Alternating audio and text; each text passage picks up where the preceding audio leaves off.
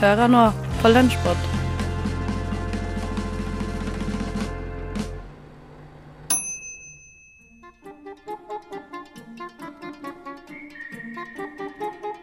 Å neimen, her var det jaggu meg knusktørt.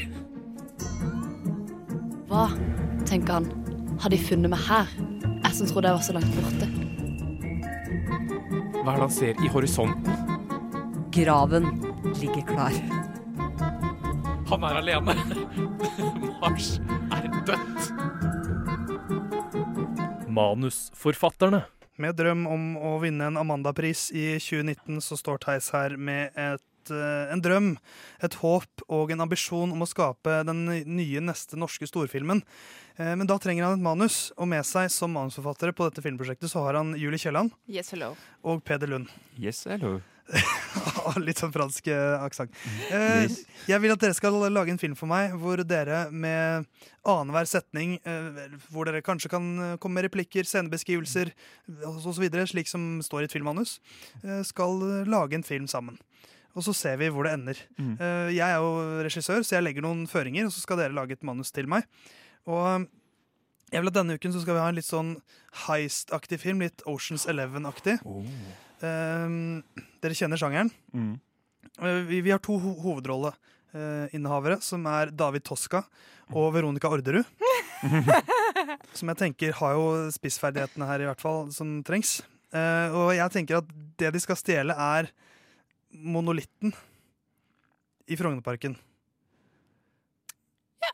Stjele en, eh, et landemerke, rett og slett. Uh, så det er altså, for å oppsummere, en heist-movie. Det er Veronica Orderud og David Toska i, i hovedrollene. Og de skal stjele monolitten. Eh, Jeg kommer til å spille av noen eh, lyder underveis som dere må på en måte tilpasse manuset til. Så da tenker jeg, Peder, at du kan begynne. Eh, Mm. Action. Uh, eh, er det sånn at David Toska, jeg, som jeg heter, hadde en dialekt? Nei, det har jeg ikke. Så ja, hei, Orderud. Er du, er du hypp på en siste jobb før vi gir oss? Ja, selvfølgelig. Jeg er jo endelig, endelig fri fra Breitvedt eh, fengsel, selv om jeg hadde faktisk utrolig gøy der. Mm. Ja, jeg, jeg, jeg fikk faktisk gå på uh, UiB mens jeg uh, satt inne. Uh, så, så det var utrolig fin opplevelse, så jeg er keen på å gå tilbake, kanskje. Eller i hvert fall eh, gjøre et lite brekk. Hva er, det, hva er det vi kan tape? Fengselet var ålreit. OK. Eh, så har du noen eh, ideer på hva vi kan stjele? Jeg tenker at jeg vil stjele noe som betyr mye for Norge. Oh, Stjele slottet! Nei, din idiot! Eh, sti- st- Stjele eh, eh, Stjele Colosseum kino? Stjele Stjele den! Veronica Orderud og David Toska lister seg stille gjennom eh, den store rare porten ved Frognerparken. Veronica Orderud peker på monolitten. Oh, monolitten, det er, det er genialt!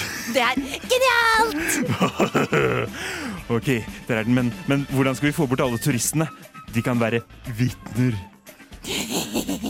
de bare De bare skyter dem ned. Oh yeah, vi skyter dem. Pang! Som jeg sier hver gang jeg skyter pistolen min.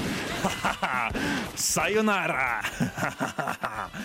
Og så nå er det ingen turister som kan melde av om eh, at vi stjeler monolitten. Har du sagen din klar? Så tar vi tak i foten som den står på, og sager. Nei, vent! Vi kan ikke gjøre dette. Vi må vente på, på eh, halvsøsteren min, Kristin Kirkemo. Det er hun som pleier å gjøre ting for meg. Åh, er, er det hun som kommer der? Ja! Ja! Sammen med Lars Grønnerød! Åh! OK, nydelig. Eh, få de til å feste. Eh, Gi den kjetting til oss! Ja, nå kommer kjettingen ned, og, og vi binder den til monolitten. Kristin, ikke snort noen ting nå! Du må være på! Du må være på! Kristin! Henge med!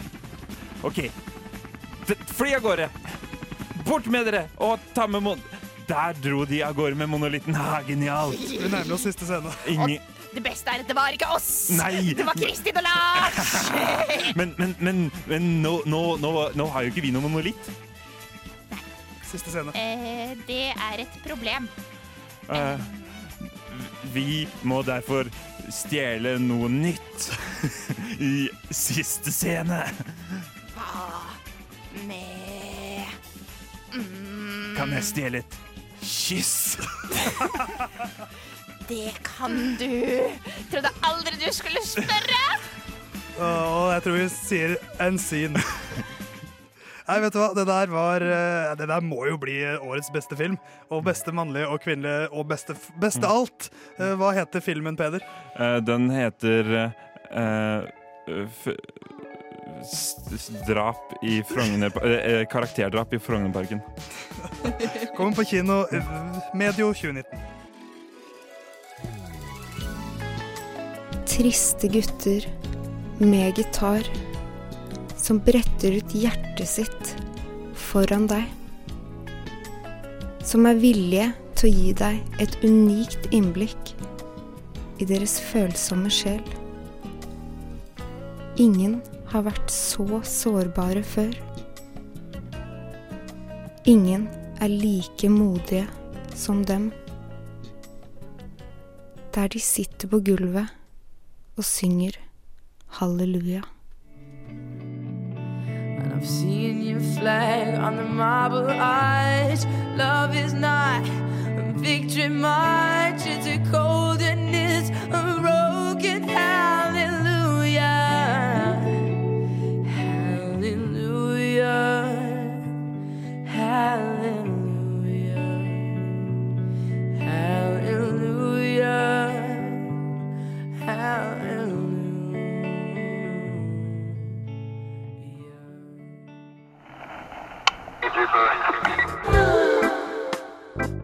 Skumma kultur.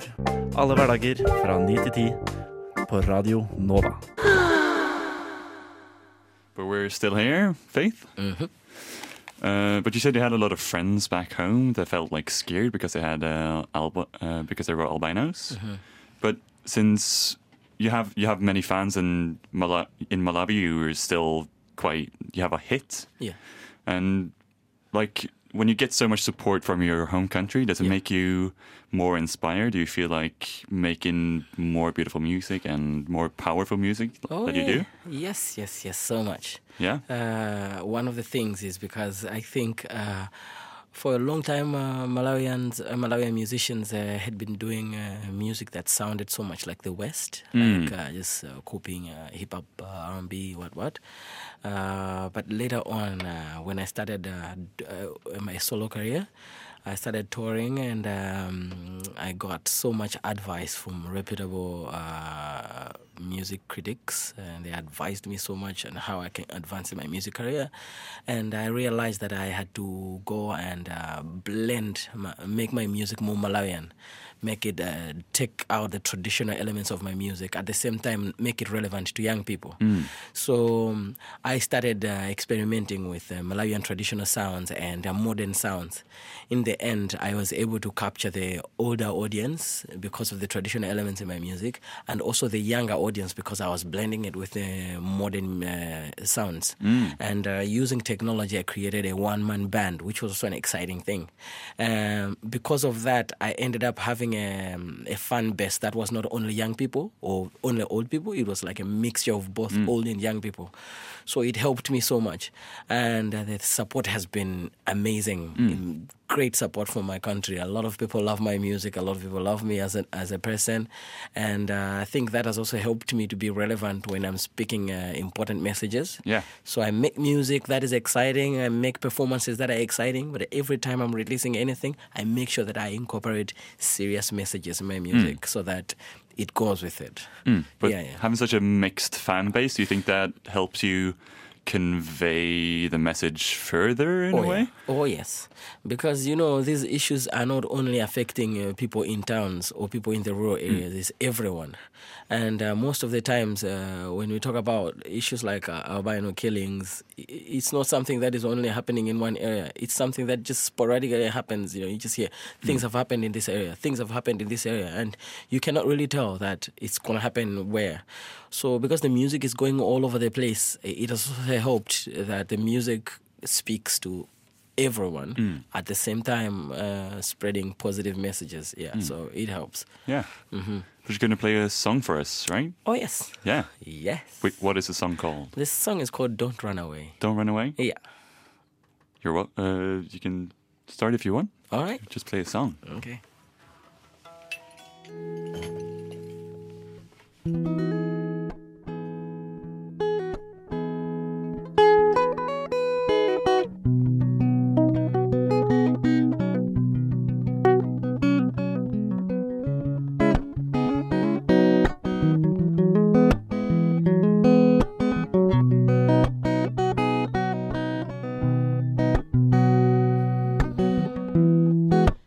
Nation of peace, best known for its beauty.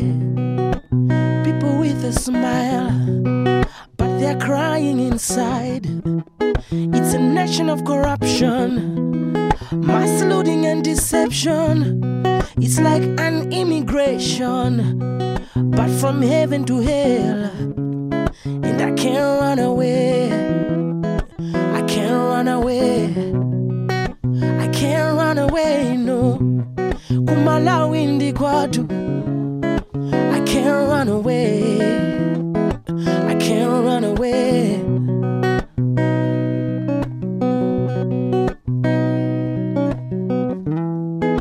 I grew up thinking one day things will get better.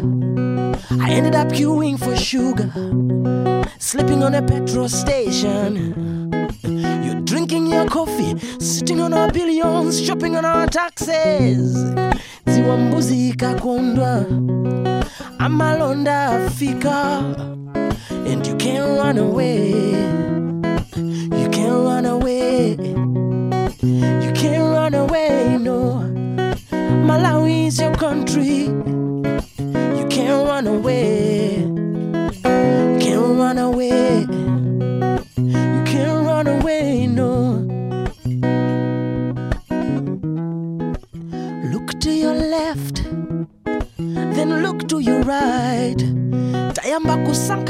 joke and two about that in a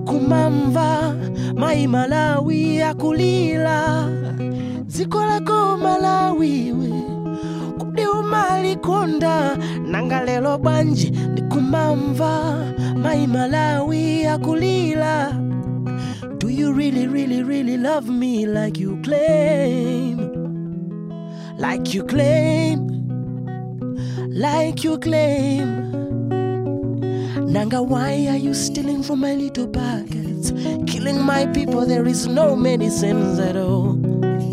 Why, why, why would you love me like you claim? Love me like you claim. Love me like you claim. Love me like you claim. Would you love me like you claim? Love me like you claim. Love me like you claim. Love me like you claim. Love me like you claim. Love me like you claim. Love me like you claim. Love me like you claim. Love me like you claim. Love me like you claim. Would you love me like you claim? Love me like you claim. Don't just say it. I don't wanna hear it. I just wanna feel it. Don't just say. Don't just say. Don't just say. I don't wanna hear it. Yeah. Would you love me like you claim? Love me like you claim. Love me like you claim. Would you love me like you claim?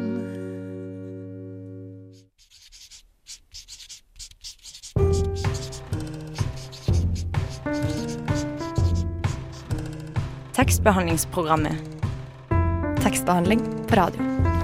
Nå er jeg på vei hjem til Stine for å se om hun har noen skumle bøker i bokhylla si.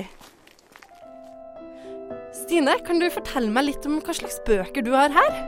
Ja, her har vi jo Knausgård og Johan Harstad, og ja, det er mest norske mannlige, egentlig. Altså noen noveller. Så du har ikke noen skumle bøker? Nei, egentlig ikke. Men eh, hva med den her, da? Frankenstein? Nei, ikke den. Hæ? Den her? Nei! Hæ? Stine? Hva er det her for noe? Et hemmelig rom bak bokhylla? Kroppsdeler i bøtta? Symaskin? Stine, hva slags rom er det her? Stine? Stine? Ingrid, du vet hvordan jeg ser at du ikke er helt riktig skrudd sammen? Hæ?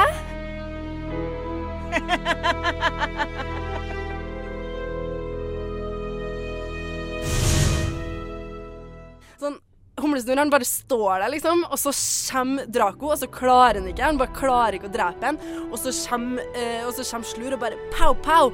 Og så herregud, Han var jo liksom på lag med Humlesnurr, og så er han slem, og så visste vi at han var slem, og så plutselig så er han snill, liksom. Det er så bra. Hva i helvete, Ingrid? Jeg har faen ikke lest boka. Hater. Når du har ødelagt alt, du kan ikke lese den. Stine? Stine, hva er det med øynene dine? Stine, du er rød i øynene. Au! Stine Stine, au! Var det, var det laser? Au! Stine! Au! Eh, takk for lånet, Stine. Ingrid, er det S-døra? Hæ? Har du skrevet i morgen? Nei, men Stine har tenkt kanskje at Ingrid! Stine? Hva er det du har der? Stine, hva har du bak ryggen din? Stine? St Stine? Vi var i feil verden. Rett og slett. Eh, Men det som faktisk skjedde meg eh, for litt siden, var at jeg så bitte litt eh, av en episode av Åndenes makt. Som, er, som var litt spesiell, fordi det som foregikk i denne episoden, da, var at det var et spøkelse i et bibliotek. Jeg har faktisk klippet ut et par liksom, snutter fra den episoden. Så vi starter bare med en, og så kan vi se litt hva vi tenker om det. Ja. Døren til biblioteket er stengt, og når de siste bøkene ryddes på plass i reolene, har bibliotekaren forsikret seg om at det ikke er andre enn henne i lokalene. Men plutselig hører hun noe like ved.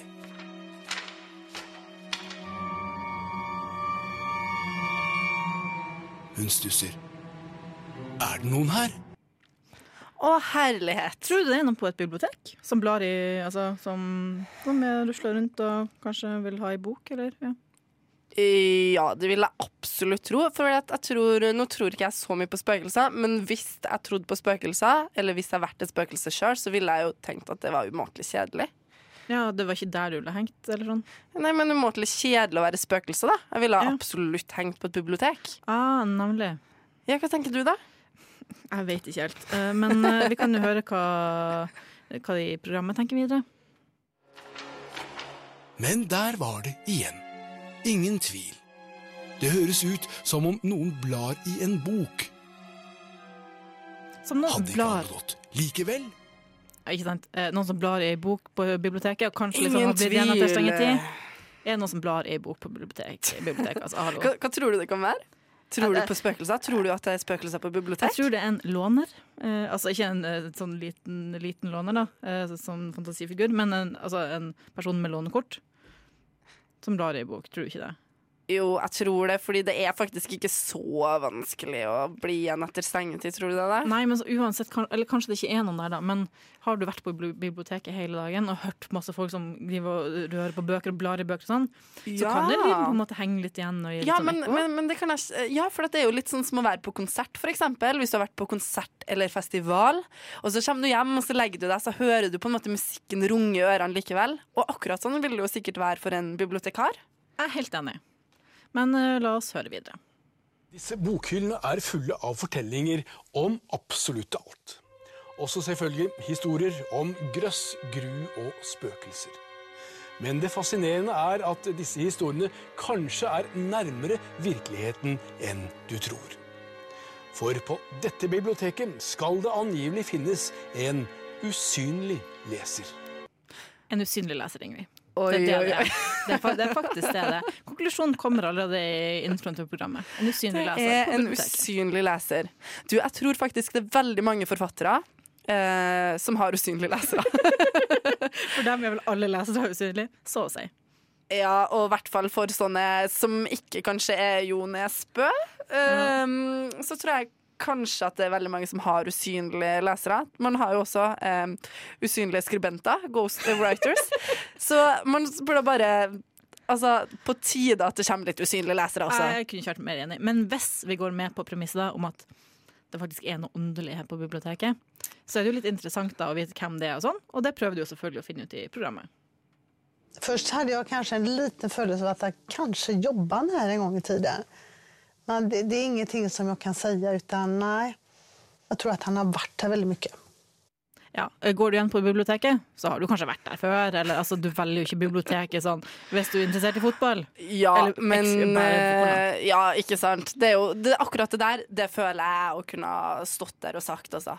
Eh, konkludere med at enten så har han jobba her, eller så har han vært der før. Ja, eh, og hvis vi fortsatt må tenke at ja, ja, det er kanskje noe der, så er det jo også sånn Hva er grunnen til at han er her? Hva tror du? Um, jeg tror Å, Åh, hvis jeg skulle ha vært en sånn åndelig dame, oh. så ville jeg sagt sånn at kanskje at han var der for å lete etter svar fra noe fra sin egen tid. For å Mhm. ta med seg et eller annet. Ja, altså Hvorfor blir han sur? Hvorfor liksom utagerer han og kaster bøker, og hva det er han gjør? da? Og det har sikkert altså, skjedd noe grusomt grusomt og- der. Ja, han ødelegger datamaskiner, så det har jeg ikke tatt med noen klipp av, da, men han gjør det faktisk. Ja, det er den teknologiske revolusjonen. Radio Nova.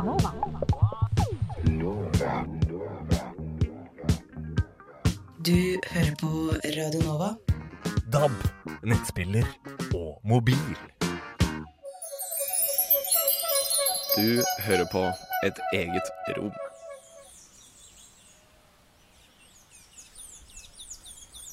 Den dagen her starter veldig rolig. Jeg tror kanskje folk lader batteriene. I tillegg så er det veldig varmt, så folk holder seg stort sett inne under tak. Jeg befinner meg i en liten landsby nord i Brasil, i delstaten Pará. Her bor jeg med en familie, men eh, dem skal du få høre mer om litt seinere.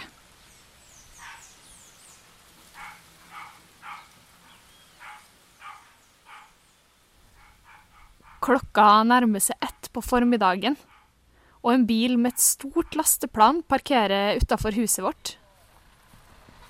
Lasteplanet er allerede fullt av mennesker, alle ikledd røde klær. Jeg og familien min klatrer opp på planet, og så kjører vi. På veien plukker bilen opp enda flere familier, og etter kanskje en halv time så blir vi sluppet av. Står en buss og venter på oss. En stor buss med plass til mange mennesker, og den fylles til randen. Flere står i midtgangen tett i tett i tett. Her er også alle kledd i rødt. Og det spilles musikk. Folk synger og spiller.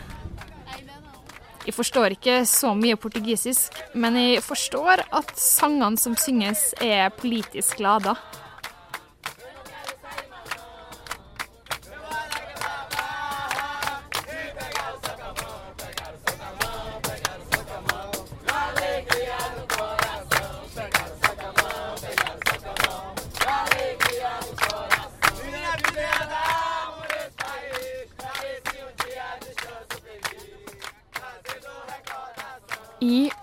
Alle andre på bussen er på vei til Belém, hovedstaden i Pará.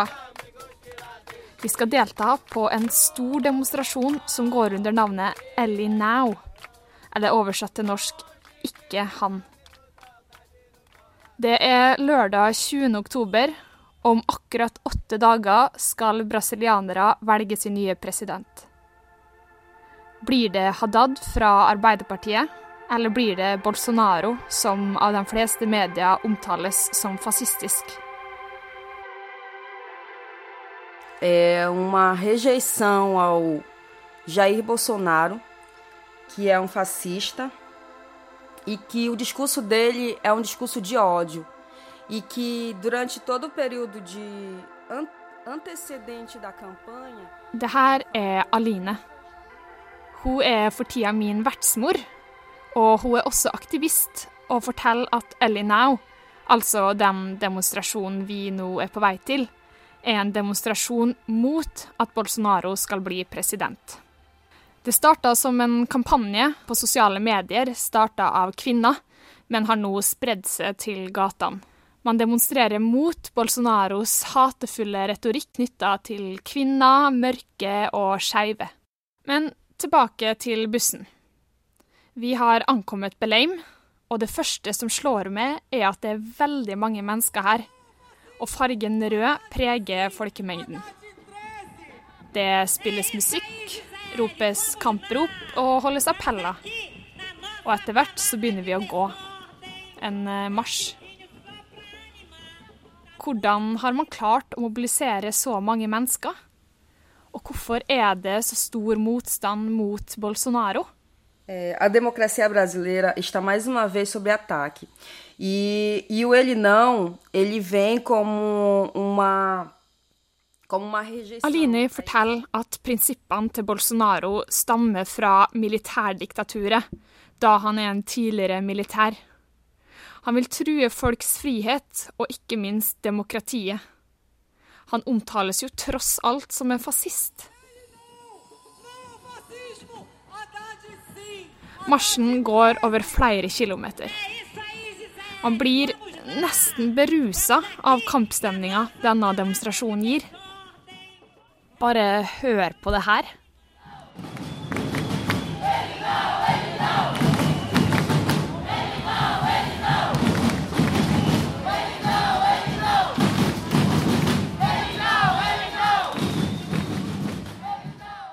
Men oppi det hele så må jeg minne meg sjøl på at det her er dypt alvorlig. Da jeg kvelden før spurte Aline om hvordan Bolsonaro som president kunne komme til å påvirke livet hennes, bevegde jeg meg åpenbart inn på et sårt og vanskelig tema. Eh, Isso vai afetar muito a minha vida, porque para o Brasil não é um projeto bom. E todos os outros, todo, todos os discursos dele de ódio, é, ele envolve as pessoas menos favorecidas. E se ele ganhar. Bolsonaro som president vil komme til å påvirke livet mitt veldig, sier Aline. Hele hans hatefulle diskurs kommer til å ramme minoriteter. I tillegg vil han kutte, eller til og med legge ned, sosiale tjenester som jeg og dattera mi er helt avhengig av. Aline studerer på et offentlig universitet på landsbygda, men det vil mest sannsynlig bli privatisert om Bolsonaro kommer til makta. Tidligere president fra Arbeiderpartiet, Lula da Silva, innførte et velferdsprogram som heter Bolsa Familia. Dette er et program som innebærer at fattige familier får overført et fast beløp i måneden. Og om man har barn, så må man sørge for at barnet går på skole for å kunne motta tilskuddet. Ifølge Aline er Bolsa Familia selve redninga, og Bolsonaro vil fjerne dette. Det er ekstremt mye som står på spill når brasilianere nå skal velge president. Det står mellom det å ha råd til mat og det å ikke ha råd til mat.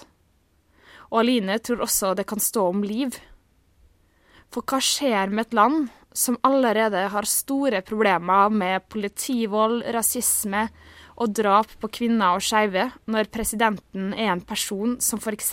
tar til orde for å kastrere kriminelle? Eller som sier til sin kvinnelige politikerkollega at sitat, 'Jeg vil aldri voldta det. Det fortjener du ikke'. Jeg tør egentlig ikke å tenke på hva som kan komme til å skje. Men jeg tror nok, dessverre, at behovet for kamprop og demonstrasjoner og massemobiliseringer ikke forsvinner med det første.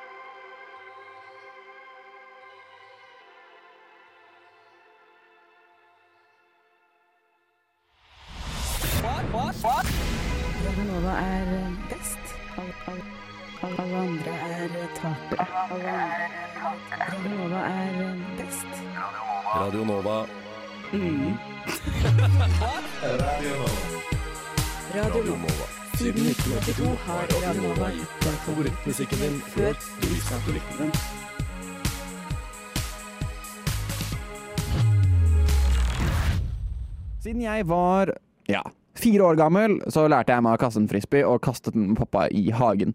Uh, og jeg syntes det var veldig gøy å kaste denne liksom, tallerkenaktige greia fram og tilbake, fordi det var veldig veldig tilfredsstillende å se på. Og den følelsen av å ta imot noe som fløyt i lufta foran meg, løpe etter den, ga en veldig god følelse. Når du da tar denne fantastiske hobbyen og gjør det om til en hardbarka sport, så får du sporten Ultimate Frisbee. Og heldigvis har OSI, Oslo-studentenes idrettsklubb, akkurat et sånt Ultimate Frisbee-lag. Så onsdag kveld så dro jeg for å være med på en trening. Ultimate Frisbee er kanskje fremmed for mange norske. Er det mer internasjonale studenter her, eller flest eh, norske studenter? Flest internasjonale, definitivt. Veldig masse utvekslingselever som kommer og er med oss for et halvt år om gangen. Mm. Skaper det noen sånne utfordringer for dere, sånn i at det ikke er så mange som er med over tid, eller er det bare gøy at folk er litt inn og ut av foreningen? Vi syns egentlig bare det er kjempegøy. Det er gøy at det kommer mange nye som har lyst til å prøve å spille frisbee. Serien begynner jo nå, på, nå til helgen, så hvilken type trening kan vi forvente deg? Er det målretta mot uh, turnering? Det er nok mye målretta, ja. Men det mye spilling. Mye bare samkjøring av lag. Mye gøy. Mm. You have to just stop as fast as you can without falling over. If you feel like you're going to fall over, it's okay to take an extra step to just set yourself. But once you've caught the disc and stop moving, you can't. And then throw again. As soon as you've completely stopped, you have to keep your pivot foot down. Dere ser altså der at, uh, at frisbee er ikke bare hobby, altså. Det er, de trener, det er turnering, de trener målretta, det er samkjøring av lag. Og når de begynte å høre på de strategiene som blir tatt i bruk De dro opp en sånn mappe med brikker som var deg, motstanderlaget, som var ditt eget lag. Du hadde disken, var der, de flytta det rundt som om det var et sjakkbrett. Altså. Du følte deg ganske kul, og nivået var overraskende høyt. So we're defending this way, right? So let's say the disc is closing to our end zone, or close to our end zone, but the chasers stay the same. They, they keep chasing the disc, right? That. So general positions are cup, wings, Det var jo selvfølgelig akkurat denne treninga. Det skulle være kondisjonstrening. Det var veldig, veldig veldig mye løping, suicide fram og tilbake, stafetter, trene, trene, trene, trene. trene. Og til slutt, når du faktisk begynner å spille kamp oh, Det er ikke lite løping der heller, altså. Hele spillet handler om å komme seg i posisjon, og hele spillet var i det hele tatt veldig, veldig gøy. Tok meg rett tilbake igjen i hagen med mamma og pappa, og dere burde abso absolutt henge dere på OS i Ultimate Frisbee. Det er strålende. Lytter til Radio Nova.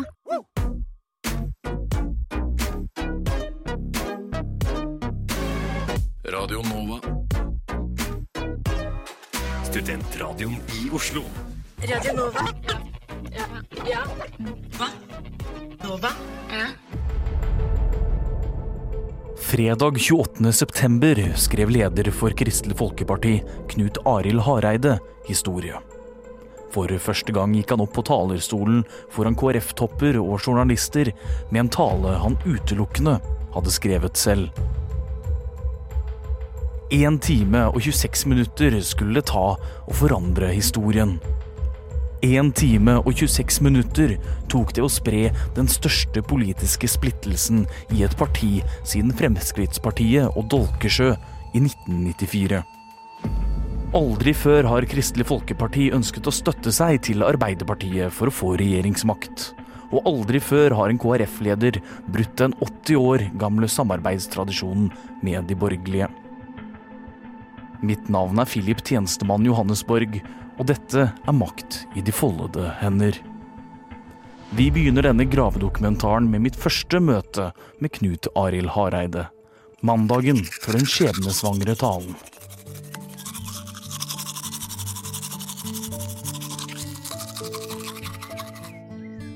Foretrekker du Knut Arild eller bare Knut? Kall meg gjerne Hareide, du. Det låter mer autoritært, og det er det jeg kaller meg sjøl. Ja, den er grei, vet du. Hva skal du i dag, eh, Hareide? Altså, du ba meg komme hit, eh, hjem til deg, veldig tidlig om morgenen. Det stemmer. Uten forvarsel slipper jeg nemlig ut boka mi i dag. Og den heter Det som betyr noe. Det som betyr Ja, og hva er det som betyr noe, da? Det som betyr noe. Kjære lille fake news-journalist. Det eneste som betyr noe, er regjeringsmakt. Hvor, hvor kom den der dramatiske musikken ifra? Oh, sorry, sorry, jeg jobber med å spille inn en radiodokumentar her. Eh, Ja, litt musikk gjør nemlig lytteren litt mer bevisst på stemninger og følelser og ja, du vet, sånt der. Ok, Ja. Da er det bare å sette på litt spenningsmusikk. For det jeg har tenkt å fortelle deg nå, det vil ryste deg. Kjære herr fake news, sitat feil journalist. Jeg skal forandre Kristelig Folkeparti. Jeg skal sette mine spor i det politiske Norge. Og jeg skal vise alle de kristne, konservative rasistene som bare sitter der og lever av pensjonen og dagsfryen dag ut og Knut dag inn. Arild, hva er dette for noe? Det der er min nestleder. KrF-nestleder. Olaug Bollestad. Ok, jeg skal Hva er det, Bollestad? Denne boka her, den dukka opp i postkassa mi i dag. Eh, Jeg tenkte bare du ville ha et eh, signert eksemplar. Se, du har også fått en sånn en lattersmiley med sånn gråteøyne, vet du. Jeg vil ikke ha en lattersmiley med gråteøyne. Jeg vil ha en forklaring.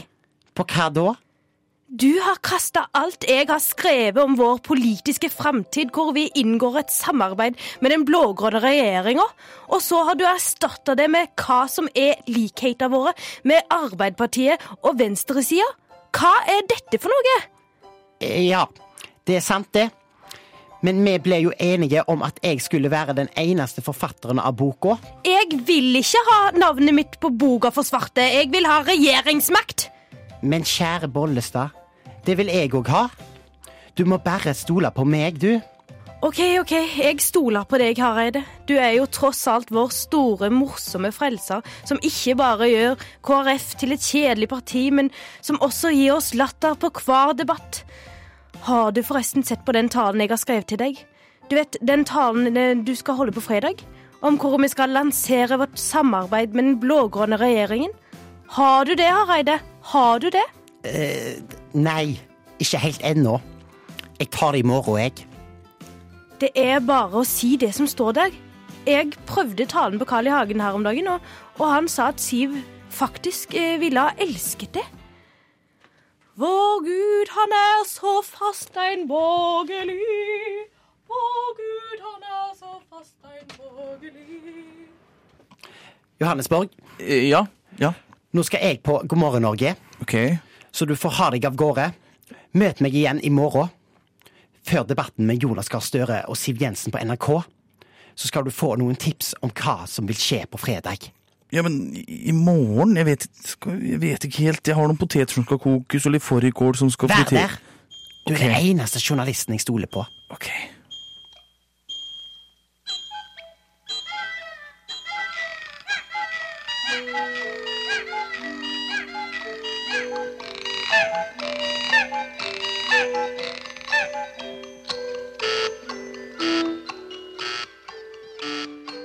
Hvor er han da, journalisten, egentlig? Knut Arild, nå må du komme. Sendingen starter om en, om en og en halvliter her. Det er ikke noe tid. Ja, ja, du- ja, ja Siv.